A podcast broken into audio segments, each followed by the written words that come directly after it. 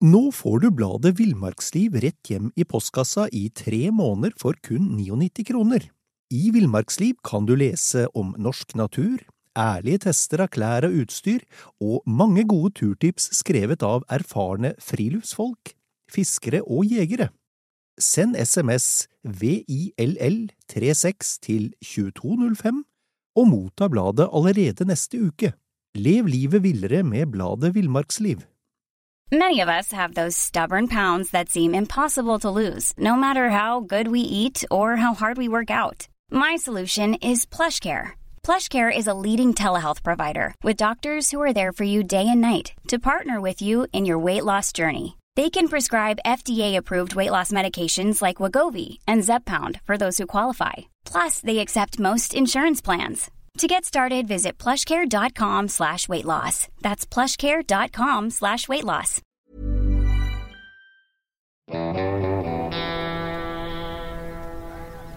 Velkommen til podkasten Villmarksliv. Mitt navn er Halvard Lunde, og jeg er redaksjonssjef i bladet Villmarksliv. Med meg i studio i dag har jeg også to av jurymedlemmene i NM i naturfoto, nemlig Heidi Meldingen og Henrik Strømstad. Dagens hovedgjest står bak årets Naturbilde 2021, og blir også kåret til årets naturfotograf i 2021. I fotokonkurransen NM i naturfoto, som blir arrangert av bladet Villmarksliv. Og ikke nok med det, han har også blitt kåret til Norges beste naturfotograf i konkurransen fire ganger tidligere, og i tillegg har han høsta et utall med andre fotopriser fra inn- og utland. Gjesten vår er vokst opp i Sokndal i Sør-Trøndelag, bor i dag i Trondheim, utdanna jurist og jobber i dag som investor i selskapet Longship, der han både er medgründer og eier. Bernt Østhus, var det en ok introduksjon? Det var jo en veldig fin introduksjon, som utelot alt det ufordelaktige som det er mulig å si om meg, så jeg setter jo pris på det. Du skriver på din egen nettside at foto er en viktig hobby for deg. Hvor og når startet fotokarrieren din? Den starta på gården til foreldrene mine i Soknedalen i Sør-Trøndelag. Og da var jeg 14 år gammel og hadde kjøpt meg kamera for konfirmasjonspengene. Mm. Så da var det Jeg husker levende også det første dyrelivet, dyrebildet jeg tok. Og det var av ei lavskrike. Og jeg var ekstremt skuffa over at den ikke vistes noe særlig bra på bildet. Det var tatt med 50 millimeter.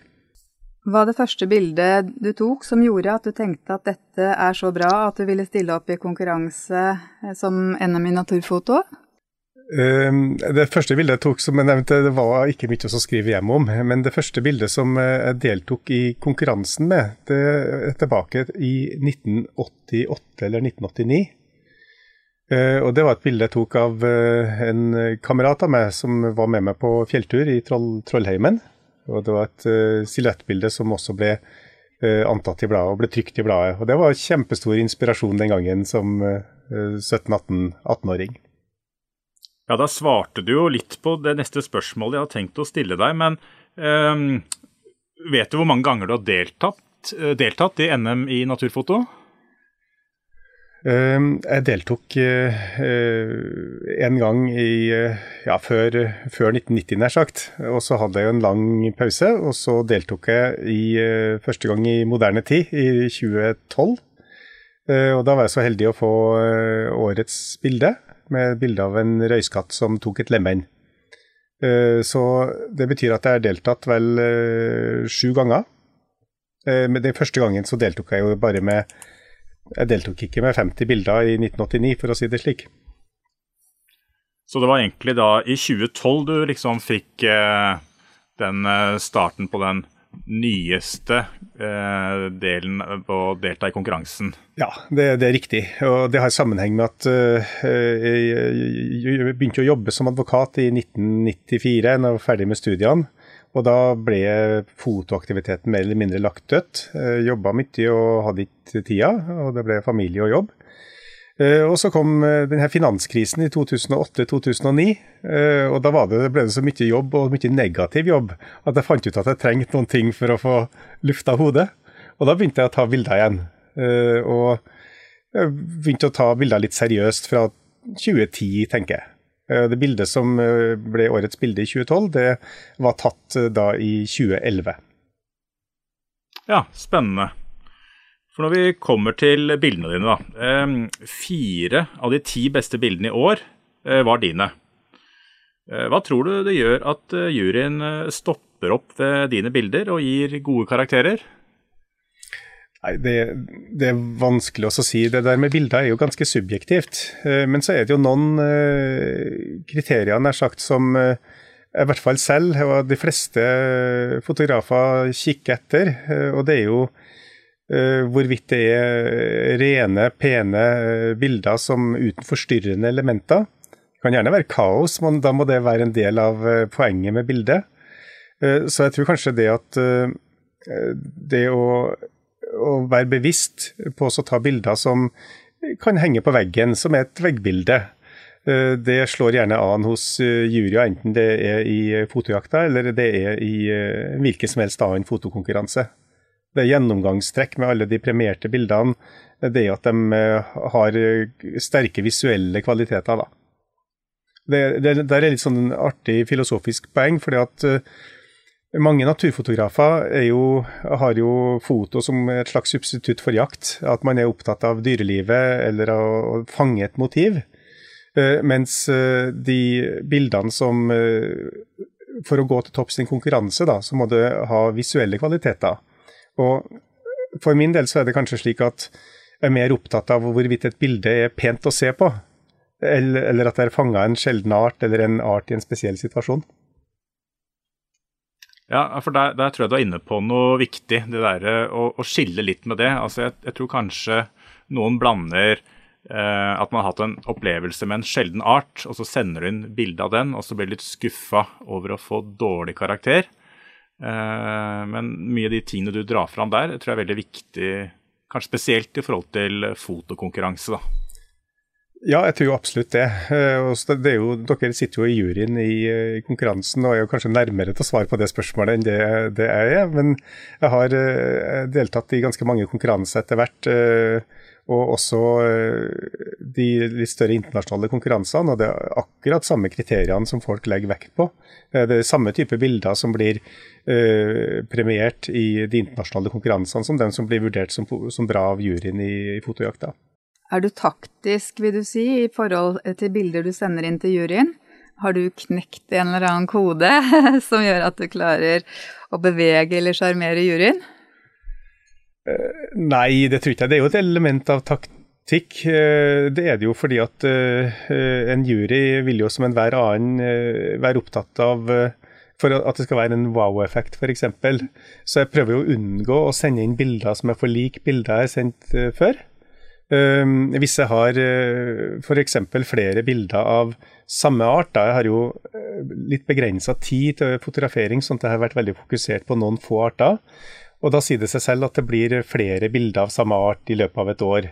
F.eks. i 2016-2017, da jeg deltok, så var det ganske mange hjortebilder. Og da må man jo være litt taktisk. Da må man jo sørge for at man sender inn et bilde som er litt bedre enn det forrige hver gang. Hvis ikke så blir det jo ikke noe bra. Så, så, da har jeg gjort det sånn at jeg har satt ned mine f.eks. Eh, fem hjortebilder, og så har jeg rangert dem. Det jeg er best eh, i forhold til det som er dårligst, så sender jeg det dårligste først. Du gjør det, ja? ja, ja, ja. mm. ok. Ja, årets naturbilde, det var jo også et hjortebilde. Hjort i tåkeskog. Der sier jo juryen at det er et eksempel på at vi kan trollbindes av et opptak som verken er høydramatisk eller viser en sjelden art. Til tross for at hjort er avbildet i alle mulige vinkler fra før, dette bildet, tilfører dette bildet noe nytt. Det oser av nærhet, kommunikasjon og intimitet. Tåkesløret bidrar til å forsterke inntrykket av trygghet. Kan du fortelle litt om hvordan dette bildet ble til? Uh, ja, uh, og det er jo en sånn situasjon som jeg husker veldig, veldig godt. Uh, og det har jo flere årsaker. bildet ble tatt i sist sommer. det er faktisk Ja, sist sommer, ja. 2021. og det var første gang på to år jeg var ute og fotograferte hjort. det har vært, jeg har vært fokusert på andre ting. og som de fleste av mine hjortebilder, så er det tatt på Hitra. Jeg har en hytte på Hemmerskjæla som er en øy i Trondheimsleia. Og når jeg står opp om morgenen, så ser jeg over til Hitra. Og det er fast takst når jeg ser at det er fornuftige værmeldinger, så står jeg opp i totida på morgenen og så kikker over. Og hvis jeg ser da at tåka ligger i dalene på Hitra, da luffer jeg over og finner meg en plass. Og så har jeg noen fra gammelt av da noen veldig fine hjortetrekk, eh, hvor det hver eneste dag, sikkert som banken, kommer et eller flere dyr da. Eh, så jeg satte meg og posterte på et slikt sted, og det som var spesielt, var at jeg hadde testa ut, eller hadde nettopp fått meg et nytt kamera som er eh, speilløst. Eh, så det første gangen jeg skulle fotografere hjort med et lydløst kamera, så jeg stilte inn det slik at det ikke var noe lyd i det. Eh, og satt meg med en sånn enkel liten duk foran meg og satt og venta. Og kunne da ta bilder uten å lage lyd, og det var ganske unikt. For normalt så alle hjortene reagerer. Noen springer ikke nødvendigvis av gårde når de hører kameraklikket, men alle blir oppmerksomme. Og de beste naturbildene, i hvert fall atferdbildene, er bilder som tas når dyret ikke er oppmerksom på fotografen. Eh, så det gjorde at jeg kunne sitte og ha en sekvens her på flere minutter, hvor hvor denne kolla stoppa oppå den kanten. og sto i, da, i denne her fantastiske tåka eh, som skapte den, skapte den dybden i skogen, og, og, hadde en lang seanse hvor jeg har 400 varianter av at den kolla koser med kalven. Eh, så, så det, det, var en veldig spesiell opplevelse, og en veldig fin opplevelse. fordi at det eh, hele endte med at de bare fortsatte å gå og forsvant ut av syne. Praktfullt. Det er jo sånn vi ønsker oss det. Ja, Det var spennende å høre. Du, du sier litt det her at eh, du har litt begrensa tid. altså Det har kanskje de fleste. Men er det sånn at motiverer og inspirerer konkurransen deg de årene du deltar, til å komme mer ut og være mer eh, målbevisst? Eller ville du dratt ut uansett, sånn som du forteller om den når du drar ut på Hitra? da. hvis du ikke har deltatt i konkurransen, ville du dratt ut allikevel? Eller blir du litt motivert til å komme deg ut? Jeg hadde nok tatt den turen likevel. Og jeg er ikke sikker på at konkurransen har dratt meg mer ut i i naturen. Men det konkurransen helt definitivt har gjort, er at man eh, for min del da har blitt mye mer bevisst i forhold til hva slags bilder jeg er ute etter å ta. Eh, og så har den vært ekstremt lærerik ved at jeg kunne ha fulgt noen av Norges beste fotografer opp gjennom årene. Jeg har jo sett på bildene vi fotojakta siden 1977. Uh, har jo lest Villmarksliv og sett bildene, og, og var, jeg var ufattelig imponert uh, som guttunge over det som uh, folk greide å få til. Og, og, det med å få utvikle et bildesyn og få en større bevissthet i forhold til hva som er et bra bilde kontra et mindre bra bilde, det har konkurransen vært ekstremt viktig for min del. For det leverer veldig mange bilder. I starten så var det 50 bilder per år. Uh, og når du da skal sitte og sette sammen en portefølje med 50 bilder, så uh, blir du bevisst på veldig mange måter i forhold til uh, ulike små varianter i bildene. Du skal plukke de mest egna bildene. og det har skapt en bevissthet som har skapt, gitt meg mye bedre glede av fotohobbyen, og som også har bidratt til at jeg har vært i stand til å gjøre det bra i, også i andre konkurranser. Ja, det var, det var gøy å høre. Da lurer jeg litt på sånn rundt planlegging. Um, du har fortalt litt hvordan du jobber, da, men, men, planlegger du mye i forkant av fotoøkter, eller hender det at du drar ut eh, helt på lykke og fromme? Um, det hender sikkert at jeg drar ut på lykke og fromme, men det er nesten aldri. jeg har alltid en idé om uh, hva jeg skal prøve å få til. Uh, og av og til, så når jeg jobber med konkrete situasjoner, så har jeg faktisk tegna ut bildene i forkant. Eh, både fysisk på et stykke papir og, og mentalt inni hodet. Eh, for du det, det, blir, det, er sjelden at det blir noen ting når du bare drar ut på lykke og framme. Jeg har jo ofte at jeg bare tar en tur i skogen, eh, eller en tur i fjellet for å gå tur. Da er jo ofte kameraet ikke med. Men, men, når jeg skal ut og ta bilder, så har jeg et ganske bevisst forhold til hva jeg ønsker å få ut av det. Ja, ja, for jeg tenker jo sånn, det vet jo sikkert mange av oss som driver litt med foto, at uh, hvis man er på tur med andre, da, så er det ikke bare å, å få tatt et, et superbilde. Altså, du, du, får ikke roen på deg og anledningen. da. Altså, det er klart det er mye lettere, men det du sier med planlegging, det syns jeg er veldig interessant. og Det er sikkert veldig mange som kan lære av det. Jeg tror nok det at mange har jo et bevisst forhold til hva man ønsker å, å, å, få ut av det. Men det er klart at mange tar sine bilder gjerne når man er ute i grupper og sånne ting. og det, og det eh, Man går, drar ikke ut med en gruppe for å ta et konkurransebilde, for å si det slik. Da Uh, hvis du jobber med dyr, da, dyr og fugler, sånn som jeg gjør, så, så er som sagt litt av poenget at de her dyrene skal, skal ikke være oppmerksom på det. Og det å få til det når du er en gruppe, det er mange ganger så vanskelig som uh, når du er der alene. Så jeg jobber enten alene eller sammen med en annen fotograf. Eh, så mange av bildene er tatt, er tatt, sammen med en annen fotograf. Eh, Vegard Lødøen har jeg vært mange turer sammen med. Dag Røttereng. Eh, og da, da det, men da er det sånn at det er folk som er ute etter det samme. Så man er disiplinert. Man greier å være stille. Man venter på situasjonen. Man har et bevisst forhold til hva man vil ha. Vegard Lødøen er jo helt rå. og det jo det å sitte og vente på noen ting sammen med han, da kan jeg jo legge meg tilbake og, og, og sove. Men han ser jo alt. Så jeg har jo et, et, ulvebilde som jeg er veldig glad i, som jeg tok på eh, premien i fotojakta i 2016, tror jeg det var, eller 2014 var det kanskje. Eh, det var, det var en tur til, eh, til Finland. Og da dro vi jo dit på vinteren. Sprengkaldt og trassig og Vegard ble med. Og så Jeg lå jo småduppa som vanlig, og han ropte ulv. Eller tulta borti meg og sa ulv. Og da fikk vi noen fantastiske scener med ulv som kom skliende ut i, i islagt landskap. og Jeg er veldig glad i det bildet. Og det er i sin helhet Vegard sin fortjeneste. Og det hører jo med til gleden da, at uh, Vegard uh, slett med fokus, så han har fått lånt et skarpt bilde av meg, da. Ja, ja, men jeg tenker at uttrykket altså 'like barn leker best' eh, passer bra i forhold til det du sier der, at man må være, at du må ha med likesinna ut. Altså at du må være dedikert til det vi driver med. da. At ja. ikke eh, For det kan bli mange timer. Ja da, og, og de her gruppeturene også, som f.eks. fotoklubbene har. Det er topp, det er jo sosialt og fantastisk, men det er ikke det man gjør for å få det optimale bildet når man jobber med wildlife, i hvert fall. Du starta jo årets første runde uten gullbilder. Var det et bevisst valg å spare litt på kruttet? Nei, jeg tenk, hadde jo tenkt å få et gullbilde i første runde, da, men jeg fikk jo ikke det. det var bra. Det kan overraske litt, da. Det er godt. Hvilket bilde fra NM i naturfoto er du selv mest fornøyd med?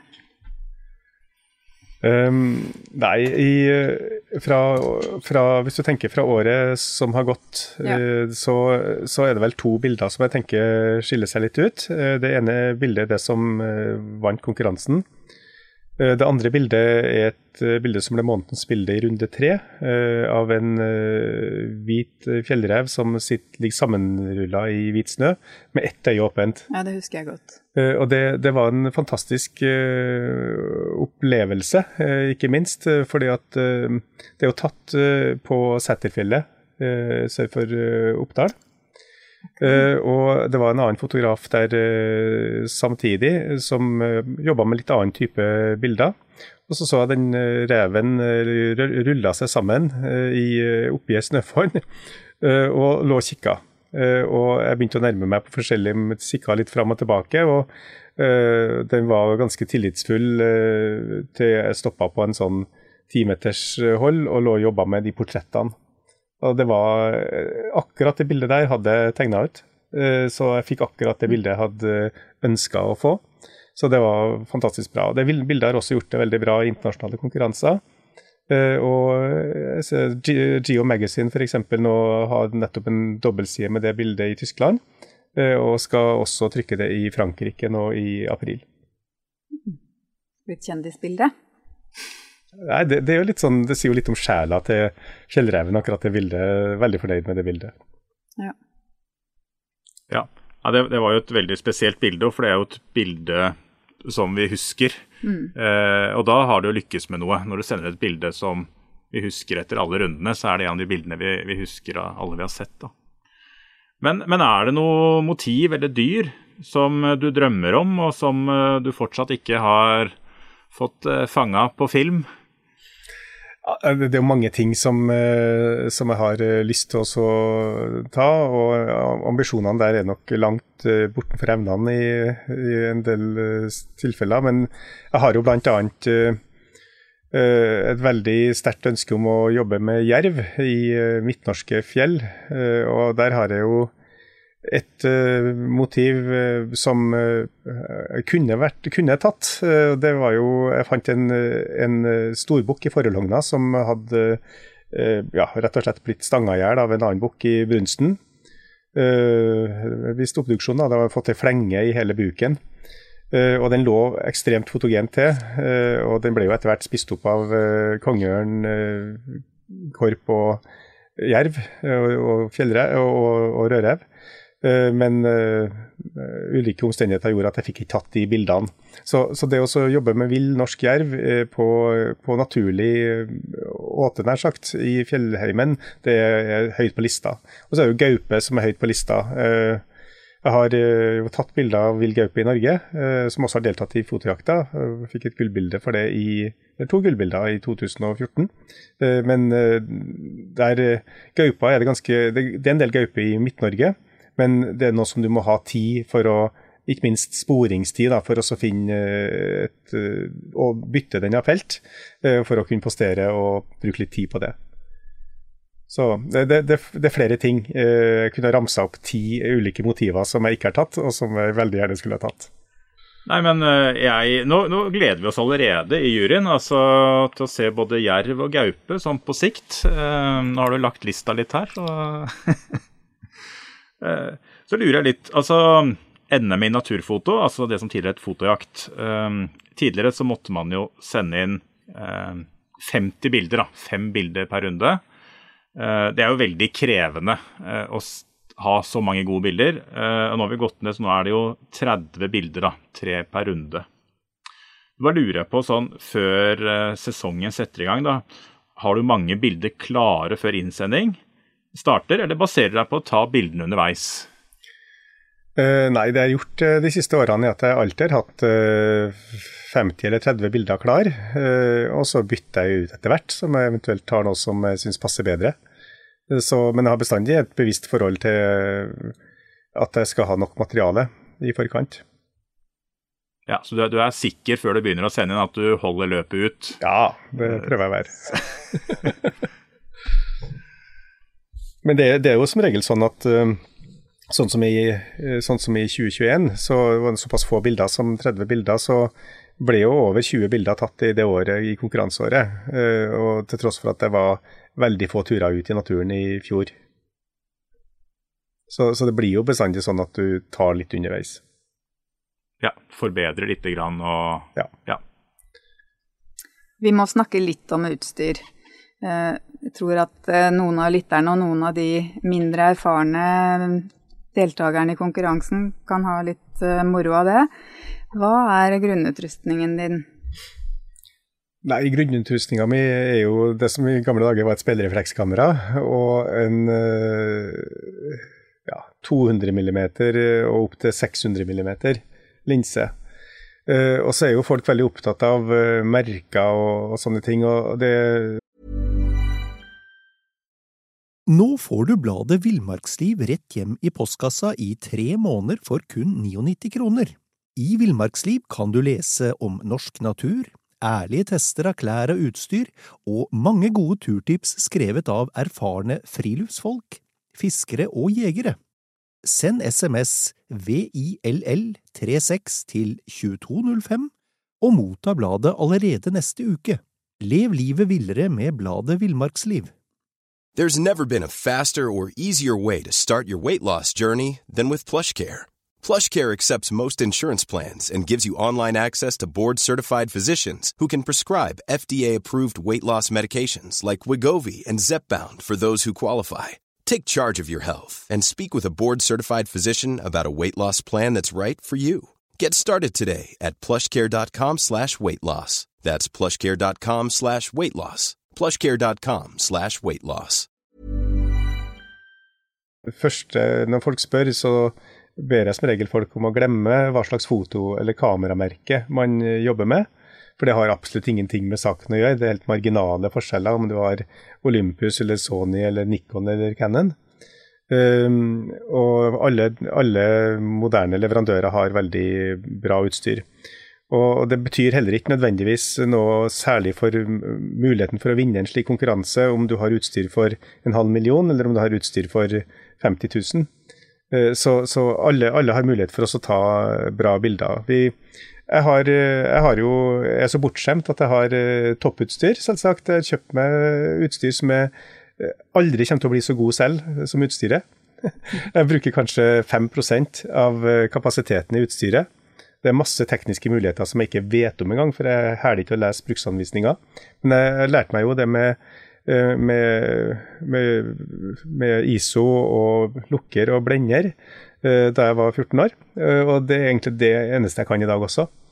Sånn at jeg bruker ikke noe mer. Og jeg fotograferer fortsatt man manuelt. Jeg bruker jo selvsagt lysmålinger i kameraet, men jeg har på manuell innstilling, slik at jeg har full kontroll med lyset hele tida. Uh, og, og, det uh, Og så unner meg jo det å kjøre full motor, da. Uh, mm. Og det er litt greit når du jobber med, med, med atferdsbilder eller skal fange akkurat den riktige posituren eller stemningen. Så er det litt kjekt å ha mange eksponeringer å kikke på etterpå. Visst er det det. Så, så svaret, svaret, da på spørsmålet ditt det er at jeg bruker stort sett lange, lange telelinser. Eh, det er litt sånn uh, juks i hermetegn, uh, fordi at da, blir, da, trenger du ikke å tenke noe særlig på bakgrunn og forgrunn. Du får nydelig bukett med største blenderåpning, og du og du, hvis du skal ta dyrebilder med vidvinkel f.eks., så må du være uhyre mye mer dyktig enn om du tar det med en telelinse. Så jeg har valgt minste motstandsvei og bruker store teller. Jeg har så smått begynt å jobbe med litt uh, andre, uh, mindre linser etter hvert, da. Ja, men det er jo mange arter som ikke lar seg komme så nært også, da. Så i hvert fall hvis man ikke skal under veldig kontrollerte forhold. Ja da, uh, men så er det også slik at selv på de sky artene så er det mulig å finne løsninger som gjør at man kommer tett på. Jeg har jo heller ikke jobba noe med fotofeller, sånn at mm. jeg skulle gjerne gjort det, men det, da må jeg sikkert lese en bruksanvisning, og det har jeg litt sånn allergi mot. Ja.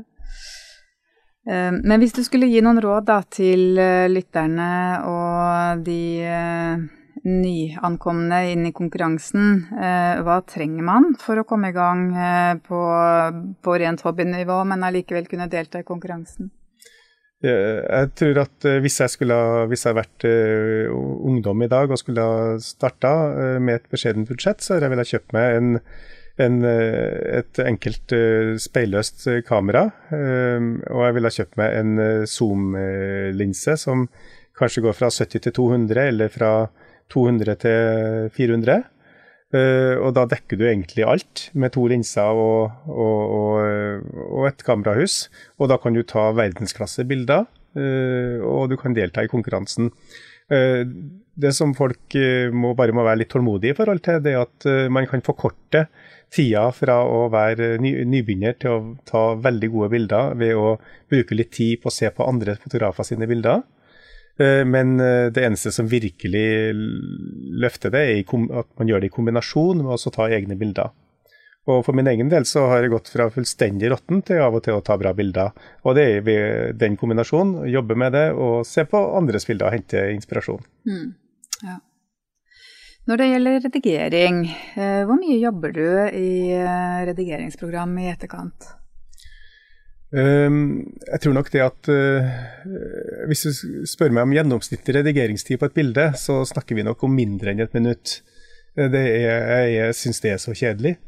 Uh, sånn at det er snakk om også gjøre Jeg har egentlig en sånn default, og det ser dere sikkert på bildene mine også, hvor jeg jobber med justere litt kontrast, justere eksponeringa i den utstrekning det er nødvendig. Og så jobbe en del med eh, lokale eksponeringsjusteringer. For ofte så er det slik at jeg tar mange av bildene mine i i hardt motlys f.eks. Og da er det gjerne slik at jeg må eksponere ut ifra de lyseste partiene, i hvert fall hvis jeg ikke vil at de skal brenne ut. Og så må jeg hente opp igjen skyggene i Lightroom etterpå. Så, og, og Lightroom er jo et fantastisk program hvor du veldig raskt kan hente fram, eller markere de områdene hvor du vil hente opp skyggene. Så, så, men på enkelte bilder, som, og særlig da konkurransebilder som på en måte skal være Eh, mest mulig perfekt, eh, så jobber man jo med de her lokale justeringene til du føler at det, det sitter. Men så er det også slik at uh, de bildene det, Man må hele tida holde seg innafor de endringene som man, som man, er tillatt å gjøre, for å si det sånn. Og, da, og, da, skal ikke resultatet avvike i særlig grad fra råfiler. Så, så, det er bestandig den proxyen eller den kontrollen som jeg har da når jeg har redigert et bilde, at det går tilbake til råfila, og så ser jeg på at det ikke endrer uttrykket til bildet. da. Det var et godt tips. Ja, og så er det jo også slik at uh, hvis man ikke følger den regelen selv, så vil man på et eller annet tidspunkt uh, oppleve at en uh, i, i, i, de internasjonale konkurransene hvor det er enkeltbildekonkurranser, hvor man ikke har porteføljer, men hvor, har, hvor, det skal vurderes ett bilde og konkurransen skal avgjøres på det, så blir man alltid avkrevd råfiler. Sånn som den reven med det ene øyet, f.eks. Eh, den har, den har, der har jeg sendt råfiler flere ganger. Sier du det, ja. ja. Så, så, så da, da, kan man ikke gjøre man kan ikke gjøre noe sånn krumspring i forhold til det. Og det har litt med følelsen med et bilde også. Eh, hvis man, eh, når man jobber med naturfoto, så er det med autentisiteten veldig viktig. Mm. Og sånn, Jeg ville ikke tenkt et bilde på veggen min hvis jeg hadde på en måte følt at det har vært eh, manipulert bort fra virkeligheten. Da, de, da, blir du på en måte påminnet hver gang du ser på bildet at ja, det var ikke helt sånn. ja, men jeg tenker at det er en uh, veldig viktig diskusjon, og der syns jeg du har en veldig fin holdning. fordi det er nok uh, sånn at etter hvert som uh, programvaren blir veldig god på å gjøre endringer, så, så, kan det være mange som faller for fristelsen til å, å justere seg bort i enkelte tilfeller. Så det var en veldig god holdning, det du viser her. Og absolutt et eksempel til etterfølgelse fra våre andre deltakere, tenker jeg. Men jeg tenker da at Hvis jeg skal gi et tips i forhold til det med redigering, så er det jo det å bruke Eh, de mulighetene man har for å eh, jevne ut nær sagt eh, eksponeringsforskjeller. Det går greit så lenge du skyter i en situasjon hvor, hvor lyset er veldig jevnt. Men i det øyeblikket du får skarpt motlys f.eks., så kommer du ingen vei uten å, å, justere Øyet vårt har mye større fleksibilitet enn det kamerabrikken har i forhold til å, å, fange opp inntrykk og samle inntrykk fra ulike lysstyrker samtidig. Eh, øyet vårt eh, justerer lynraskt, slik at når vi ser på det lyse, så ser vi detaljer der, og når vi ser på det mørke, så ser vi det også. Eh, men kameraet må på en måte velge hva det skal se på. Og da har du ikke noe annet valg enn å justere på den måten. Så det er det første jeg gjør når jeg har skutt en den type scene. Det er også justere ut slik at det blir mer sånn som øyet har sett det, og ikke sånn som det er på råfila. Mm. Ja, her er det mange gode innspill. Og jeg, jeg syns det er også veldig fint, uh, som Heidi sa, vi må litt inn på det der med fotoutstyr. Uh, men at uh, viktigheten av utstyret er mye mindre enn mange tror. og som du sier, Bernt, at å ha seg et speilløst hus og en, en telezoom altså At man ikke må Du må ikke ha den største telelinsa med den største lysåpningen. Nei. Den koster like mye som en bruktbil. bil. du trenger ikke den for å få bra bilder. I dag får man jo så mange fine telesommer, og ISO-egenskapene på kameraene våre er jo også blitt noe helt annet de siste årene. Ja. Som gjør at uh, mulighetene er store. Så det er nok ikke på utstyret det henger. Slettes ikke. Eh, det er slettes ikke. Og det er fullt mulig å ta et verdensklassebilde for en investering på 10 000 kroner hvis du er villig til å lete litt. Ja, Nei, men det, det, er bra å ha med seg. Eh, så lurer jeg litt på hvor du henter eh, inspirasjon fra. Altså, du nevnte jo litt det der med at eh, når du da satte i gang igjen da rundt 2012, så var det jo kanskje fordi at du, du fikk litt muligheter, eller trengte litt å koble fra litt jobb, da. Er, er, det det som er den viktigste motivasjonen din, liksom å komme ut? Eh, det å, å koble. Altså ut litt fra hjernen. Det er noe annet. Nei, det er en kombinasjon av motivasjoner som ligger bak der. Det ene er at det ene er det du sier, det å koble av og ha noe annet å tenke på. Det er verdifullt. Eh, men så er det også slik at eh, det å motivasjonen til å ta et bra bilde i seg selv, det driver meg ut for å Særlig når det blir repetisjoner. Eh, når jeg har gjort flere forsøk på samme motiv og ikke fått det helt til. Kanskje fått det til 90% men så vet du at det er mulig å få det til 93 og Så må man ut og prøve på nytt igjen. Og, og det, så det er en, en motivasjon. Og så er det jo det at jeg er genuint opptatt av natur og naturopplevelser. Jeg setter så utrolig pris på det. Og, og, særlig det med Det er utrolig mye å lære fra uh, Mye overførbart, da. Fra dyre- og fugleatferd til menneskelig atferd, som uh, noen hver kan, kan studere. Ja. Så tenkte jeg Eller vi, vi, ser jo på bildene dine at de bildene du tar, det er jo Eh, bilder du selv skaper, kan du si. Det er ikke det vi kaller altså kjøpeplasser. Dette kan jo sikkert være litt følsomt tema. Eh, men, men, hva tenker du om eh, alle disse stedene som man i dag kan reise til og betale litt for, og så kan man egentlig langt på vei da kjøpe seg til gode bilder? At det, det kan være en snarvei da, til å få raske, gode bilder, men ja, jeg vet ikke. Har du noen tanker rundt uh, temaet? Uh, ja, det, det, har jeg jo. For det første så syns jeg det er fantastisk at uh, flest mulig kan få tilgang til den type naturopplevelser uh, som uh, man f.eks. kan få i Flatanger, som man kan få i Dalen, uh, som flere av mine kollegaer nær sagt tilbyr. Uh, syns det er kjempebra. Uh, uh, og det blir på en måte et sånt uh, For vi skal ikke stikke under en stol også at det med naturopplevelsen, den trenger ikke å være noe dårligere for det om du er på et skjul som er opparbeida av andre. Og, det, og, mange har ikke verken tid eller mulighet for oss å gjøre slike ting sjøl. For min egen del så har jeg også vært på slike plasser. Jeg har vært, og, jeg har vært to ganger borti Finland og sittet og kikka på, på ulv og bjørn. Men jeg har ikke på en måte gjort det uten at jeg har fått det som premie eller eh, blitt invitert. Eh, så jeg har aldri oppsøkt eh, det sjøl. Men det har helt andre årsaker. Jeg har en fantastisk natur rundt meg i Trondheim og på Hitra og i Soknedalen. Og har ikke noe behov for å, å, å besøke slike plasser. Og selv om jeg sikkert har kommet til å ha hatt store naturopplevelser. Jeg har, synes det er ingenting negativt med det. Det, det er man kan stille enkelte etiske spørsmål rundt det å gjøre ville dyr eh, tam, nær sagt, og kanskje også avhengig av fôring og sånne ting. Men etter hvert så ser man vel at det har eh, mindre betydning og kanskje ikke er noe negativt.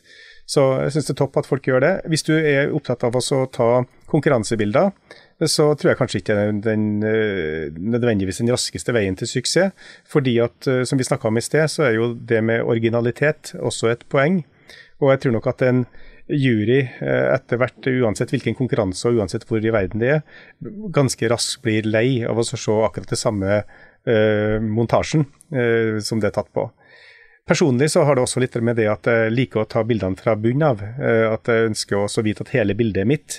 Hvis jeg skal skru kameraet mitt på en stativskrue som noen andre har satt opp, så blir det ikke mitt bilde. Da må man dedikere bildet til den som har gjort jobben.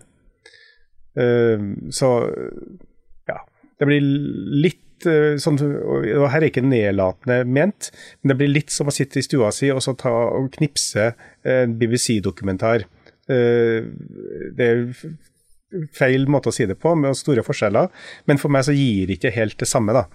Og når det er sagt, igjen anbefaler alle å dra til Dalen eller dra til Flatanger og oppleve det der. For hvis man ikke har muligheten for å gjøre det sjøl, fantastisk at det legges til rette på den måten. Ja, Nei, men det, det, var gode refleksjoner. Så kan jeg jo kanskje bare si litt sånn på vegne av juryen da, i NM. Eh, for det kommer jo opp det med originalitet, eh, som du nevner.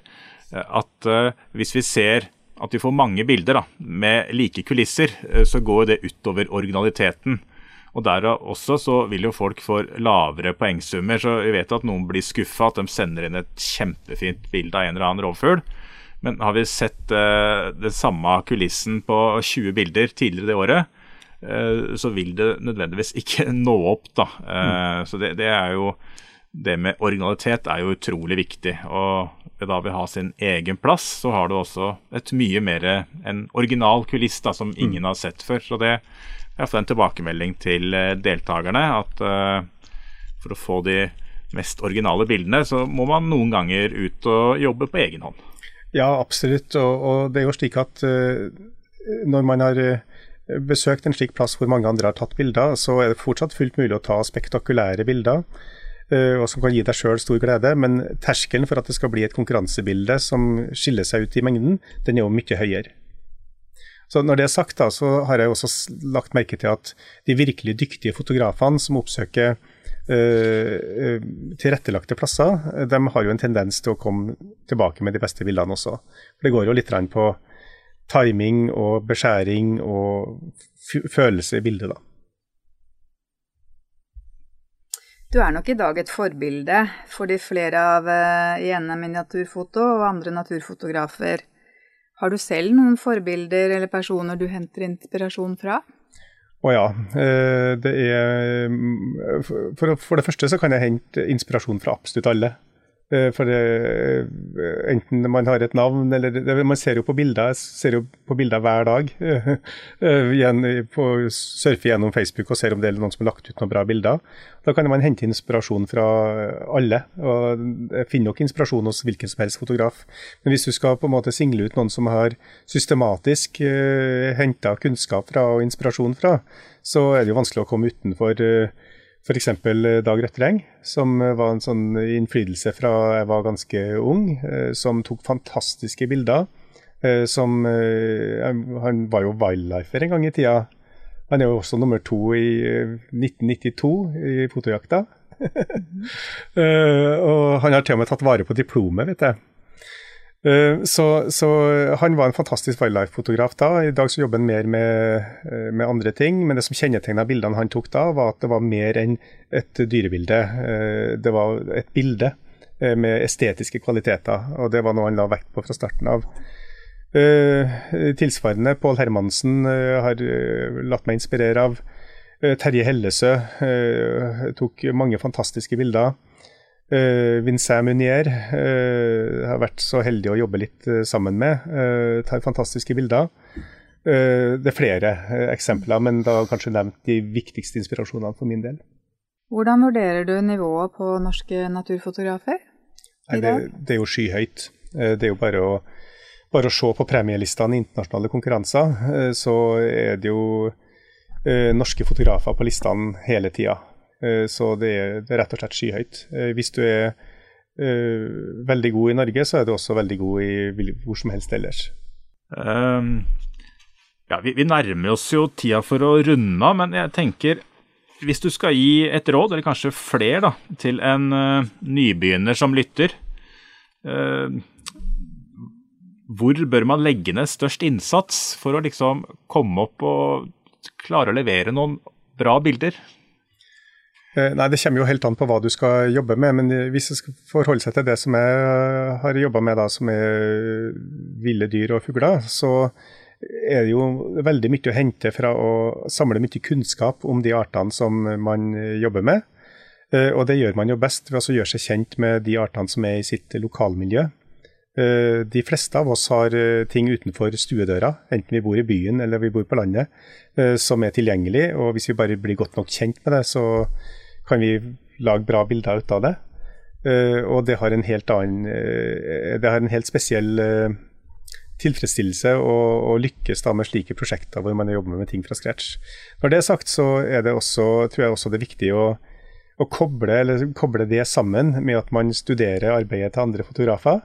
Og, og, hente litt Man kan ta noen snarveier da, ved å lære av hvordan andre fotografer gjør det, og kanskje også se på bilder som kanskje ikke er perfekt. Man lærer jo kanskje vel så mye av det. Hvorfor er ikke, hvorfor er ikke det her i utgangspunktet fantastiske bildet noe som virkelig når sjela di?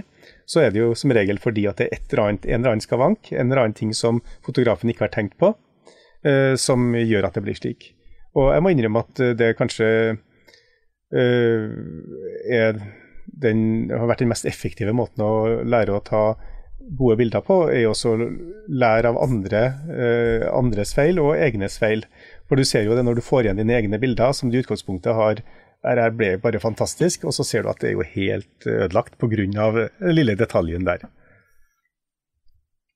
Ja, men det, det syns jeg er veldig en, en, altså en, bra tilbakemelding, det med å se på bilder og lære av andre.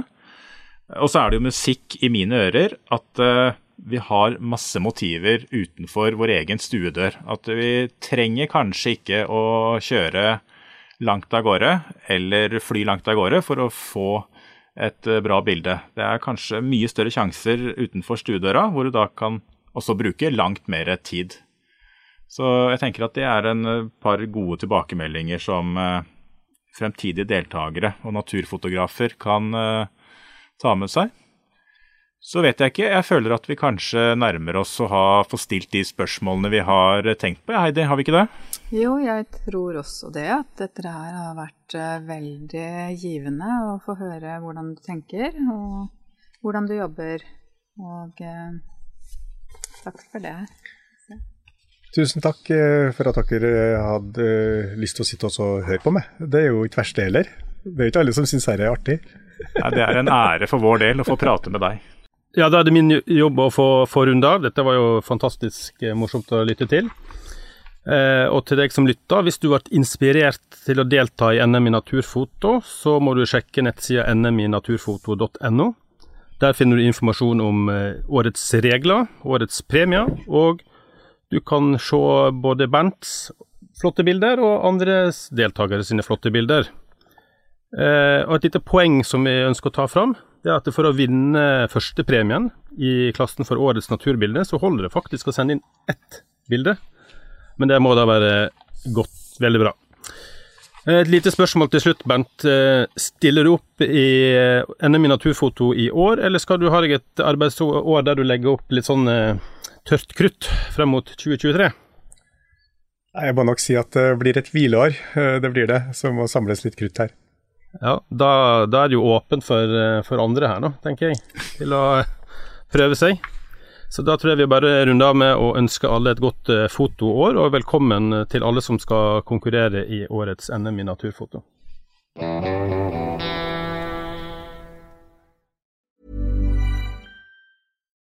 Nå får du bladet Villmarksliv rett hjem i postkassa i tre måneder for kun 99 kroner. I Villmarksliv kan du lese om norsk natur, ærlige tester av klær og utstyr, og mange gode turtips skrevet av erfarne friluftsfolk, fiskere og jegere. Send SMS VILL36 til 2205 og motta bladet allerede neste uke. Lev livet villere med bladet Villmarksliv.